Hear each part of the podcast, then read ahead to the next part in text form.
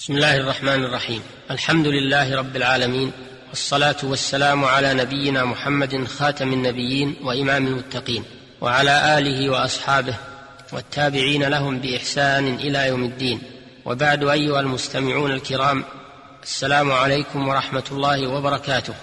وأواصل الحديث معكم في موضوع العشرة بين الزوجين امتدادا لأحاديثنا السابقة حيث انتهينا إلى بيان ما يسقط نفقة المرأة وحقها في القسمة عن زوجها. فليكن ذلك موضوع حديثنا الآن وبالله التوفيق.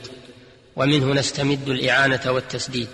ومن ذلك أن المرأة إذا سافرت بلا إذن زوجها أو سافرت بإذنه لحاجتها الخاصة بها فإنه يسقط حقها عليه من قسم ونفقة.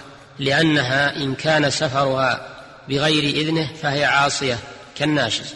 وإن كان سفرها بإذنه لحاجتها الخاصة بها فقد تعذر على زوجها الاستمتاع بها لسبب من جهتها. ومن ذلك أنه لو أرادها أن تسافر معه فأبت ذلك فلا نفقة لها لأنها عاصية بذلك. ومن ذلك أنها إن امتنعت من المبيت معه في فراشه سقط حقها عليه من النفقة والقسم أيضا لأنها بذلك تكون عاصية كالناشز. ويحرم على الزوج أن يدخل على زوجة من زوجاته في ليلة ليست لها إلا لضرورة وكذا في نهارها إلا لحاجة ومن وهبت قسمها لضرتها بإذن الزوج أو وهبته للزوج فجعله لزوجة أخرى جاز ذلك لأن الحق في ذلك لهما وقد رضيا بتلك الهبة. وقد وهبت سودة رضي الله عنها قسمها لعائشة رضي الله عنها فكان النبي صلى الله عليه وسلم من أجل ذلك يقسم لعائشة يومين. وإذا رجعت الواهبة وطالبت بقسمها قسم لها الزوج في المستقبل. ويجوز للزوجة أن تسامح زوجها عن حقها في القسم والنفقة ليمسكها وتبقى في عصمته لقوله تعالى وإن امرأة خافت من بعلها نشوزا أو إعراضا فلا جناح عليهما أن يصلحا بينهما صلحا والصلح خير. قالت عائشة رضي الله عنها هي المرأة تكون عند الرجل لا يستكثر منها فيريد طلاقها تقول أمسكني ولا تطلقني وأنت في حل من النفقة علي والقسم. وسودة حين أسنت وخشيت أن يفارقها رسول الله صلى الله عليه وسلم قالت يومي لعائشة رضي الله عنها ومن تزوج بكرا ومعه غيرها أقام عندها سبعا ثم دار على نسائه بعد السبع ولا يحتسب عليها تلك السبع. وإن تزوج ثيبا أقام عندها ثلاثا ثم دار على نسائه بعد الثلاث ولا يحتسب عليها تلك الثلاث لحديث أبي قلابة عن أنس رضي الله عنه من السنة إذا تزوج البكر على الثيب أقام عندها سبعا وقسم. وإذا تزوج الثيب أقام عندها ثلاثا ثم قسم قال أبو قلابة لو شئت لقلت إن أنسا رفعه إلى النبي صلى الله عليه وسلم.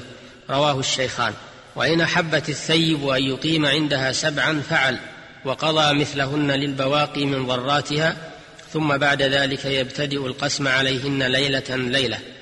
وذلك لحديث أم سلمة رضي الله عنها أن النبي صلى الله عليه وسلم لما تزوجها أقام عندها ثلاثة أيام وقال إنه ليس بك هوان على أهلك فإن شئت سبعت لك وإن سبعت لك سبعت لنسائي رواه أحمد ومسلم وغيرهما.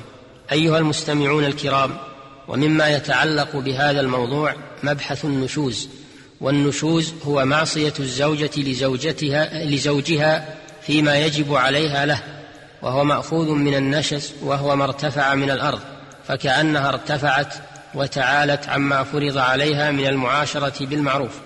ويحرم على الزوجة فعل ذلك من غير مبرر فإذا ظهر للزوج من زوجته شيء من علامات النشوز كأن لا تجيبه إلى الاستمتاع أو كأن تتثاقل إذا طلبها فإنه عند ذلك يعظها ويخوفها بالله ويذكرها ويذكرها بحقه عليها وما عليها من الإثم إذا خالفته فإن أصرت على النشوز بعد الوعظ فإنه يهجرها في المضجع بأن يترك مضاجعتها ولا يكلمها مدة ثلاثة أيام.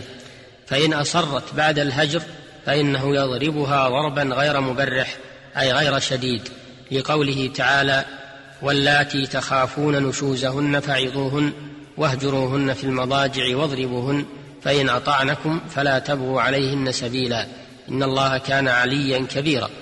وإذا ادعى كل من الزوجين ظلم الآخر له وتعذر الإصلاح ما بينهما فإن الحاكم يبعث حكمين عدلين من أهلهما لأن الأقارب أخبر بالعلل الباطنة وأقرب إلى الأمانة والنظر في المصلحة. وعلى الحكمين أن ينوي الإصلاح لقوله تعالى وإن خفتم شقاق بينهما فابعثوا حكما من أهله وحكما من أهلها إن يريدا إصلاحا يوفق الله بينهما إن الله كان عليما خبيرا. والحكمان والحكمان يفعلان الأصلح من جمع أو تفريق بعوض أو بدون عوض. وما انتهيا إليه من الحلول فإنه يعمل به حلا للإشكال. والله أعلم. أيها المستمعون الكرام إلى الحلقة القادمة بإذن الله تعالى لمواصلة الحديث في بيان أحكام النكاح والله الموفق والهادي إلى سواء السبيل. والحمد لله رب العالمين وصلى الله وسلم على نبينا محمد وآله وصحبه أجمعين.